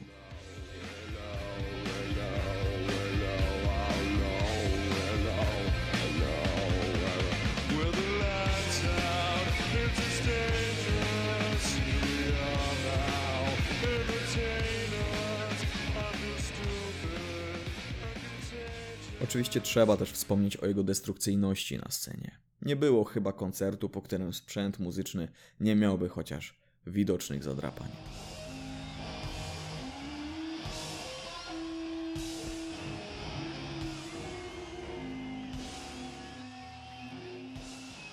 Jak sobie powiedzieliśmy, z wielką sławą przyszły wielkie pieniądze, a przez to nieograniczone dawki narkotyków, głównie heroiny. Można powiedzieć, że Seattle słynęło nie tylko z alternatywnego rocka, ale i właśnie z tej substancji. Przy okazji biografii Cobaina, nawet tej skróconej, trzeba powiedzieć o jego bólach brzucha, nieznanego pochodzenia. Kurt miał odwiedzić wielu lekarzy, ale żaden nie ulżył mu w bólu. Brał mnóstwo leków, które nie pomagały. Powiedział, że czuje się jak ćpun, a skoro i tak się tak czuje, to branie heroiny nie robiłoby mu większej różnicy. Wręcz przeciwnie, podobno mu pomagała w bólu. To ona była największym problemem. Kurt miał mówić: Nikt nie był w stanie mi powiedzieć, żebym przestał. Rzecz jasna, uzależnienie Cobaina zaczęło wpływać na trasy koncertowe. Prawda jest taka, że życie mógł stracić już w 92 czy 93 roku, ale udało się go odratować. Raz zrobiła to Courtney Love, gdy w porę wstrzyknęła mu odpowiedni lek, który na wszelki wypadek mieli ze sobą. Ta słodka narkotyczna parka pobrała się w lutym 1992 roku na Hawajach. Na swoim ślubie Kurt się postarał, bo ubrał się w piżamę w kratę. No ale właśnie taki był. Pochodząca z hipisowskiej i można powiedzieć lubującej się muzyce rodziny, Courtney była wszystkim. Wokalistką, gitarzystką, aktorką, celebrytką i pisarką. Co tylko chcecie, to sobie wybierzcie. Otaczała się od zawsze środowiskiem rockowym. Dość szybko przyszło im spodziewać się dziecka. W sierpniu przyszła na świat ich córka Frances, co w kontekście ich wiadomego problemu z narkotykami rozpoczęło dyskusję, czy Love pozwalała sobie na nie w ciąży. Wątpliwości zakiełkował w ludziach artykuł Vanity Fair z 1992 roku. Znalazłem informację, że później dla dokumentu HBO Courtney wypowiedziała takie słowa. Wzięłam heroinę, ale tylko raz, bo wiedziałam, że nic jej nie będzie. Tym samym mamy idiotkę odcinka, a raczej dwóch ostatnich co najmniej. Tak samo z łatwością możemy znaleźć filmy, na których cała trójka Cobainów spędza czas w swoim mieszkaniu, podczas gdy wychudzony, zaniedbany Kurt chodzi w tę i z powrotem na mocnym heroinowym haju. Mocno to może zasmucać, bo uzależnienie na pewno było bardzo duże, jednak z drugiej strony trochę to kuje w oczy, przynajmniej mnie, tym bardziej, że od niedawna spodziewam się dziecka. Chyba nie mogłem wymyślić sobie gorszego momentu na to, by się wam pochwalić, ale już trudno, niech będzie, nie będę tego wycinał. Tego było już za wiele. Sąd nakazał Kurtowi udać się na odwyk. Ta sytuacja mocno w tamtym czasie wpłynęła na jego psychikę, która przez wiele lat była i tak już mocno zachwiana. Czuł się prześladowany przez media i tysiące ludzi. Przytłoczony Kurt powiedział: Gdzieś mam teraz nirwane. Sporo osób zaczęło się przez to spodziewać rozpadu grupy, która była na absolutnym topie w tamtym momencie. W 1993 roku wychodzi jednak ich kolejny, ostatni już album studyjny nagrany w odosobnieniu od świata o nazwie In Utero. Pierwotnie płyta miała nazywać się bardzo optymistycznie, bo I hate myself and I want to die, ale zdecydowano się na słowa z jednego z wierszy Courtney Love. Album zawierał takie utwory jak Heart Shape Box, Rape Me czy All Apologize. Odniósł ogromny sukces. Kurt już w marcu otarł się o śmierć. Po raz kolejny zresztą. Osłabiony zapaleniem oskrzeli i płuc, przedawkował bardzo silny lek nasenny połączony z szampanem. Możliwe, że było to świadome targnięcie się na swoje życie.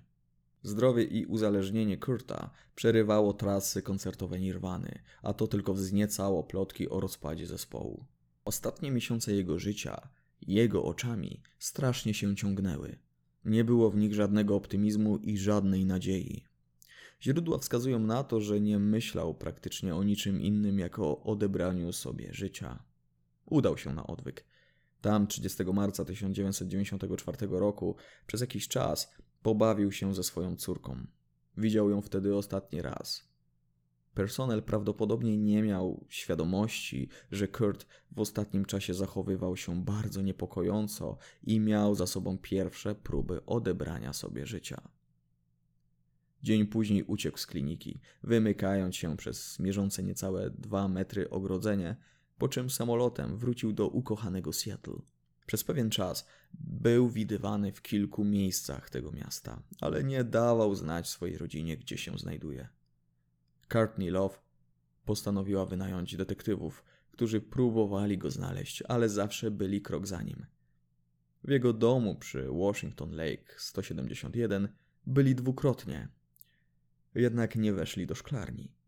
To właśnie tam, 8 kwietnia, elektryk podejmujący pracę na terenie posiadłości Cobaina znalazł ciało Kurta.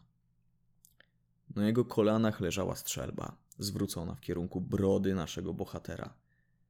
I list. List był zaadresowany do jego wyimaginowanego przyjaciela o imieniu Buda. Przytoczę jego fragment. Najgorszą dla mnie zbrodnią byłoby oszukiwanie ludzi i udawanie, że doskonale się bawię i że sprawia mi to wszystko ogromną przyjemność. Próbowałem. Naprawdę bardzo się starałem, by móc to docenić. I naprawdę tak jest, ale to nie wystarcza. Doceniam fakt, że wywieraliśmy wpływ na mnóstwo osób i pozwalaliśmy im się bawić. Jestem chyba jednak jednym z tych narcystycznych osobników, którzy potrafią docenić wartość pewnych rzeczy tylko wtedy, gdy ich już nie ma. Jestem zbyt wrażliwy. Lepiej jest szybko się wypalić, niż znikać powoli. Courtney, nie poddawaj się. Żyj dalej dla Frances, dla jej życia, które będzie o wiele szczęśliwsze beze mnie. Kocham was. Underneath the bridge, top is sprung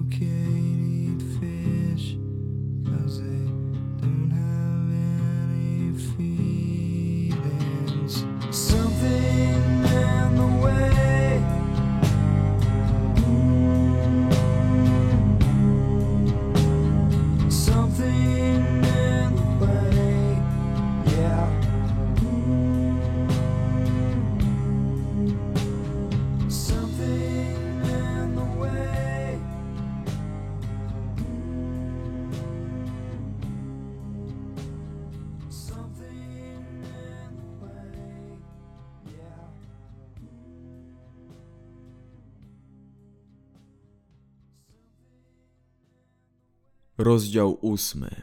Amy Winehouse. I znów ten moment w tym podcaście, który składa się z suchych faktów, to znaczy gdzie, kto, kiedy się urodził i kim byli jego rodzice, co nierzadko nie ma najmniejszego znaczenia w naszej historii, ale oczywiście podanie tego to moja powinność. Tradycyjnie wszystko później się rozkręca. Amy urodziła się w Londynie 14 września 1983 roku. Jej ojciec wspomina: Pojawiła się jak na Amy przystało. Wierzgając nogami i drąc się w niebogłosy, mógłbym przysiąc, że krzyczała najgłośniej ze wszystkich dzieci, które w życiu słyszałem. Były to słowa Michela Winehouse'a, miejscowego taksówkarza i sprzedawcy okien. Jego żona, no i oczywiście matka Amy, Janice, była farmaceutką. Była to żydowska rodzina. W wieku 9 lat jej rodzice się rozstali. Ale Amy nie przeżyła tego jakoś straszliwie. Skwitowała to słowami: Nadal jesteś moim tatą, a mama moją mamą, więc o czym tu rozmawiać? Raz pomieszkiwała z ojcem, na przykład w weekend, raz z matką. Dziadkowie i rodzice Amy od zawsze byli wielkimi fanami jazzu. Jej wujkowie zawodowo zajmowali się tym gatunkiem muzyki. Do tego starszy brat Amy, Alex, nie był zbyt utalentowany wokalnie, więc nic dziwnego, że to w naszej bohaterce pokładano większe muzyczne nadzieje od najmłodszych lat. W latach dziecięcych i nastoletnich regularnie była wysyłana do szkół teatralnych, by mogła rozwijać swoje talenty, na przykład do prestiżowej szkoły Sylvie Young, do której uczęszczały też m.in. takie gwiazdy jak Dua Lipa czy Rita Ora. Jeśli kiedykolwiek usłyszycie, że z którejś z nich została wydalona, to nieprawda, nie wierzcie temu. Tam rozwijała swój śpiew, ale uwielbiała też stepować. Już w tamtych czasach występowała w lokalnych zespołach, a nawet jako aktorka w teatrach czy produkcjach BBC. Jeśli chcecie zobaczyć jej grę aktorską ze sketchu programu The Fast Show z 1997 roku, to zamieszczam link w opisie. A jeśli chcecie posłuchać jej głosu, gdy ta miała zaledwie 16 lat, to z przyjemnością możecie zrobić to teraz.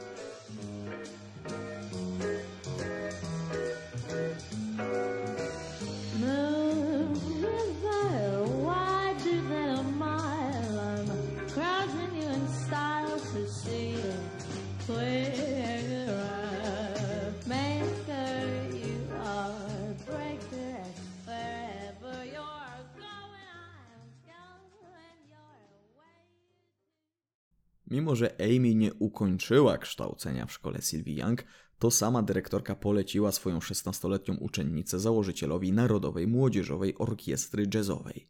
Nagrała dla nich kilka piosenek, na które nie udało mi się trafić. Amy można było później posłuchać w jednym z londyńskich klubów o nazwie Cobden Club. Z czasem, gdy tak tam występowała śpiewając jazz, do klubu zaczęli przychodzić inni artyści i ludzie z branży, ciekawi nowego objawienia lokalnej londyńskiej sceny. Podpisała kontrakt z agencją 19 Management. Z czasem jasnym było, że zaczną się rozmowy z wytwórniami muzycznymi. I doszło do współpracy z firmą EMI, należącą do wielkiej czwórki z takimi firmami jak Universal, Sony czy Warner Music. Amy została wysłana do Ameryki, gdzie płytę nagrano, ale ostatecznie dystrybuowała ją inna wytwórnia o nazwie Island, która należała do wspomnianego wcześniej Universal. Tak wyszedł pierwszy album naszej bohaterki o nazwie Frank.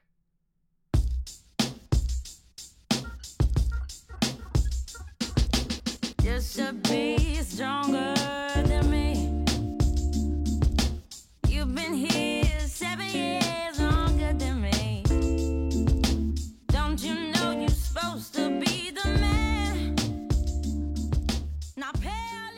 Czyli jak widzimy, dość szybko Amy zaczęła swoją karierę.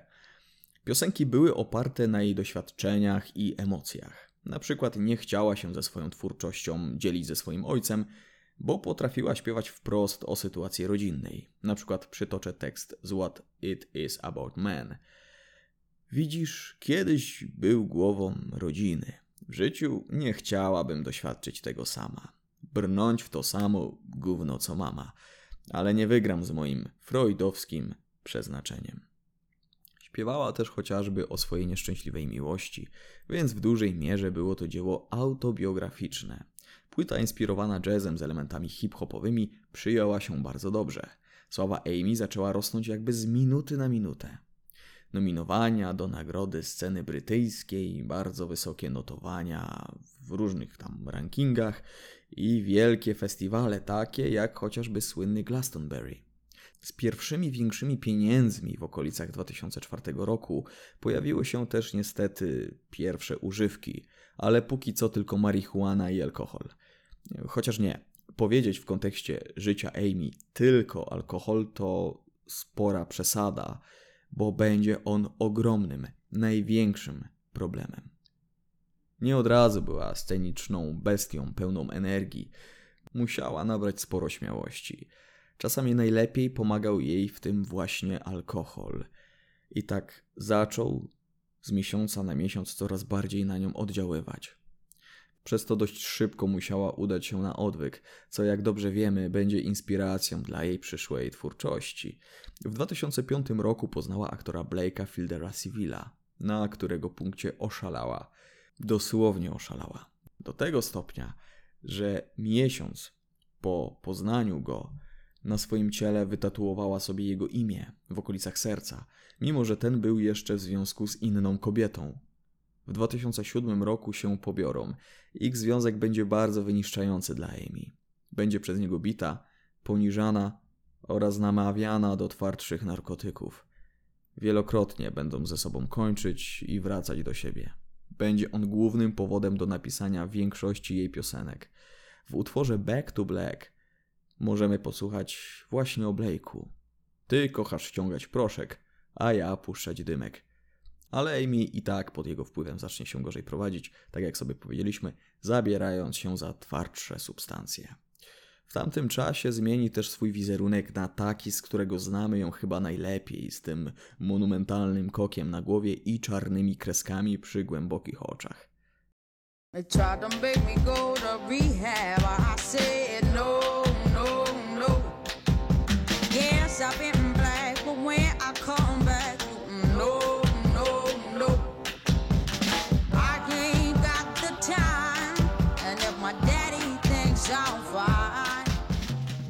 W rozmowie z Markiem Ronsonem, z którym współpracowała przy okazji płyty Back to Black, Amy powiedziała: Wiesz, że chcieli posłać mnie na odwyk?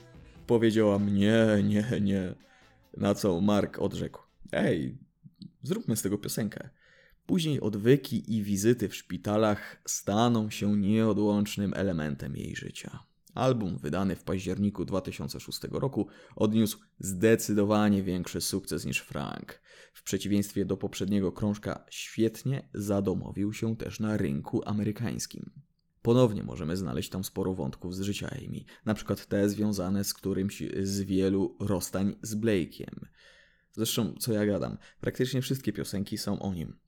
Back to Black miało nawiązywać do jej powrotu do problemów związanych z narkotykami, alkoholem i słabym zdrowiem psychicznym. Problemy te ludzie zaczęli dostrzegać nie tylko na zdjęciach w internecie czy w czasopismach, ale również na żywo, na scenie. Coraz częściej występowała odurzona. Jakby śpiewanie piosenek opartych na jej życiu było zbyt dużym ciężarem na trzeźwo, bo rzeczywiście były to ciężkie piosenki. Amy brała w dużych ilościach w pewnym momencie heroinę i krak, co miało na nią straszny wpływ. Chudła w oczach.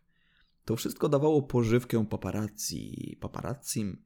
Nie wiem, czy to się odmienia. Z czasem, po nakazie sądu, będą oni musieli trzymać się z dala od domu Amy, bo media zaczęły zalewać jej zdjęcia w okropnej formie. Sama też miała zatargi z prawem za napaść czy naruszenie porządku publicznego. Została nawet skazana na karę więzienia w zawieszeniu. Definicją sukcesu Amy niech będzie otrzymanie pięciu statuetek Grammy jednego wieczoru. Jak dotąd przebiły ją w tym tylko dwie artystki. Sześć nagród otrzymały Beyoncé i Adele. Amy nie pojawiła się tego wieczora na rozdaniu, z racji, że w momencie składania wniosku na wizę do USA znaleziono w jej krwi ślady kokainy. Niedługo wcześniej The Sun udostępnił nagranie, na którym paliła krak, co też przysporzyło jej kłopotów, więc praktycznie niemożliwe było to, by pojawiła się na ceremonii, która wybiła ją jeszcze bardziej. Jej sława się zwiększyła. Niestety podobnie jak jej problemy. Bardzo często z racji niedyspozycji była wygwizdywana na scenie. Czasami przerywała koncert, czasami desperacko chciała dotrwać do końca. Kwietniu 2011 roku polscy fani ucieszyli się na wieść, że 30 lipca tego samego roku Amy ma zagrać koncert w Bydgoszczy. Gdyby do niego dotrwała, byłaby jedynym członkiem klubu 27, o którym sobie mówiliśmy, który by wystąpił w naszym kraju. Europejska trasa koncertowa miała zacząć się występem w Belgradzie, w Serbii, 18 czerwca. Jest bardzo dużo filmów z tego koncertu. To była tragedia, to był upadek Amy.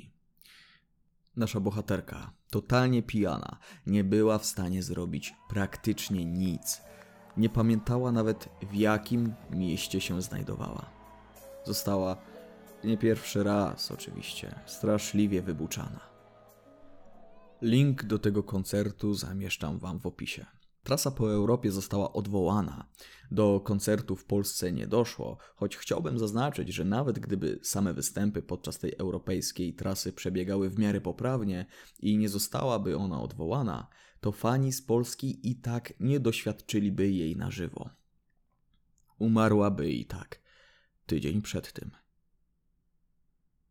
Przytoczę słowa ojca Emi, Michela. 22 lipca wylatywałem do Nowego Jorku, więc dzień wcześniej wstąpiłem na Camden Square, żeby się pożegnać. Powiedziała, że wieczorem wybiera się do Roundhouse w Camden na występ Diane w ramach festiwalu iTunes. Poprosiłem, by przekazała Diane, znajomej Amy, brytyjskiej wokalistce soulowej, że trzymam za nią kciuki. Gdy rozmawialiśmy na drugi dzień, mówiła, że świetnie się bawiła. Została zaproszona na scenę i tańczyła, podczas gdy Diane śpiewała. Niestety był to ostatni publiczny występ Amy. W sobotę 23 lipca moja ukochana córeczka odeszła na zawsze. W domu Amy, jej ochroniarz, próbował ją obudzić około godziny 15. Przed 16 ratownicy na miejscu stwierdzili zgon. Ogromne ilości alkoholu w jej krwi odebrały jej życie.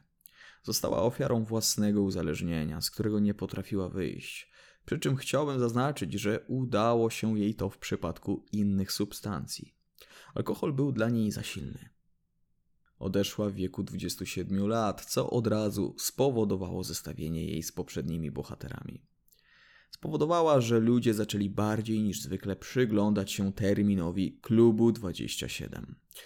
Na końcu chciałbym powiedzieć coś, czego jeszcze podczas historii Amy Winehouse nie powiedziałem, a chciałem, żeby to wybrzmiało. Była ona naprawdę dobrym człowiekiem, bardzo szczodrym, uczuciowym, ale też niesamowicie utalentowanym, targanym przez uzależnienia, które odebrały kolejny wielki talent. I przy tym wyrażam nadzieję, że Amy będzie ostatnią gwiazdą tak wielkiego kalibru, która odejdzie z tego świata w wieku 27 lat i w jego okolicach. Mam szczerą nadzieję, że ten termin już nie powróci. Are you pretending? It looks like the ending. Unless I can have one more chance to prove, dear. My life a wreck. You're making it. You know I'm yours for just the taking. I'd gladly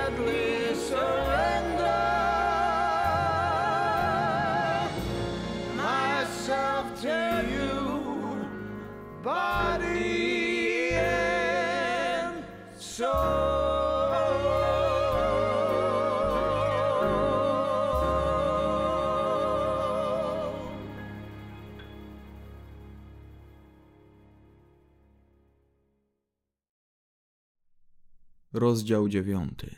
Zakończenie. Jak sobie powiedzieliśmy, środowisko muzyczne rządzi się swoimi prawami. Zapewne będzie nam dane jeszcze w przyszłości odczuć, jak nasz idol czy jakiś młody muzyk, którego lubimy, straci niespodziewanie życie, bo stał się ofiarą tego środowiska, chcąc za nim nadążyć. To bardzo smutne, jednak jak usłyszeliśmy, ten wyniszczający tryb życia przyjmowali muzycy już kilkadziesiąt lat temu. Ojcowie ruchów hipisowskich i zespoły ściśle związane z tym ruchem wprost zachęcały do brania narkotyków, mówiąc, że to tylko dzięki nim doświadczą muzyki w pełni, tak jak powinni. Przelotny seks? Kto tego nie robi? Spróbujcie.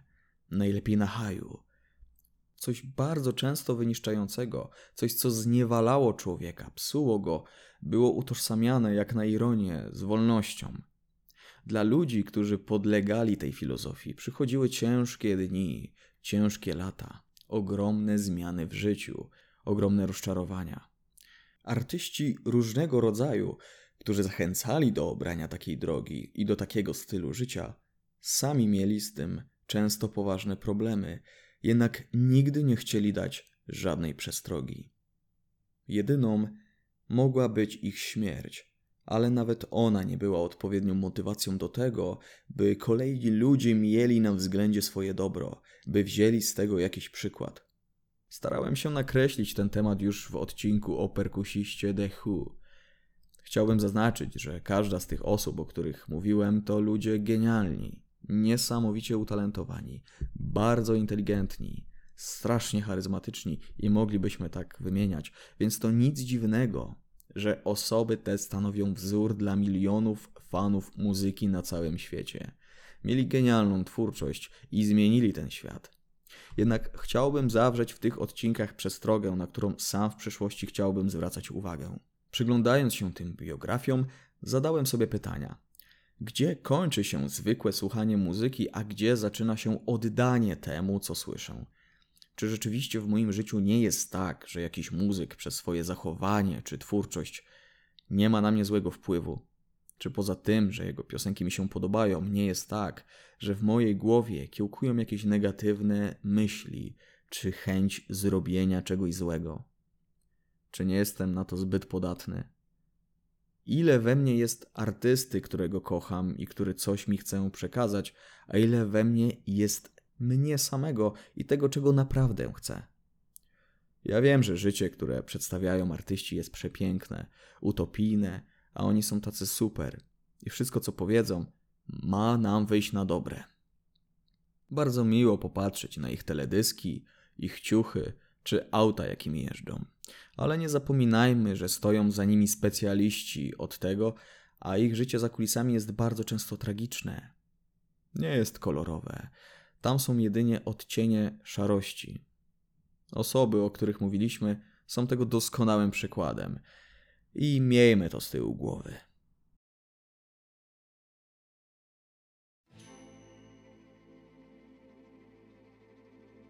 Skończyłem.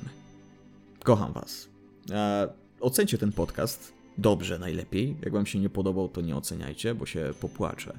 Wysyłajcie znajomym. Jak ktoś lubi muzykę, powinno mu się spodobać. Jak ktoś lubi śpiew Yoko Ono, to zastanówcie się, czy warto z nim dalej utrzymywać kontakty. Oczywiście żartuję, bo każdy ma prawo słuchać czego chce. Polubcie mnie na Facebooku, ludzie, którzy zmienili świat.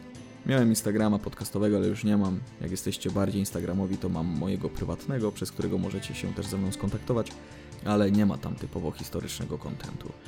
Przepraszam, że odcinek jest taki długi, ale chciałem ten temat mieć już za sobą. Chciałem go zamknąć w dwóch częściach, a za inne tematy już się zabieram czym prędzej. Nazywam się Wiktor Hoffman, a to był podcast Ludzie, którzy zmienili świat. Miłego dnia.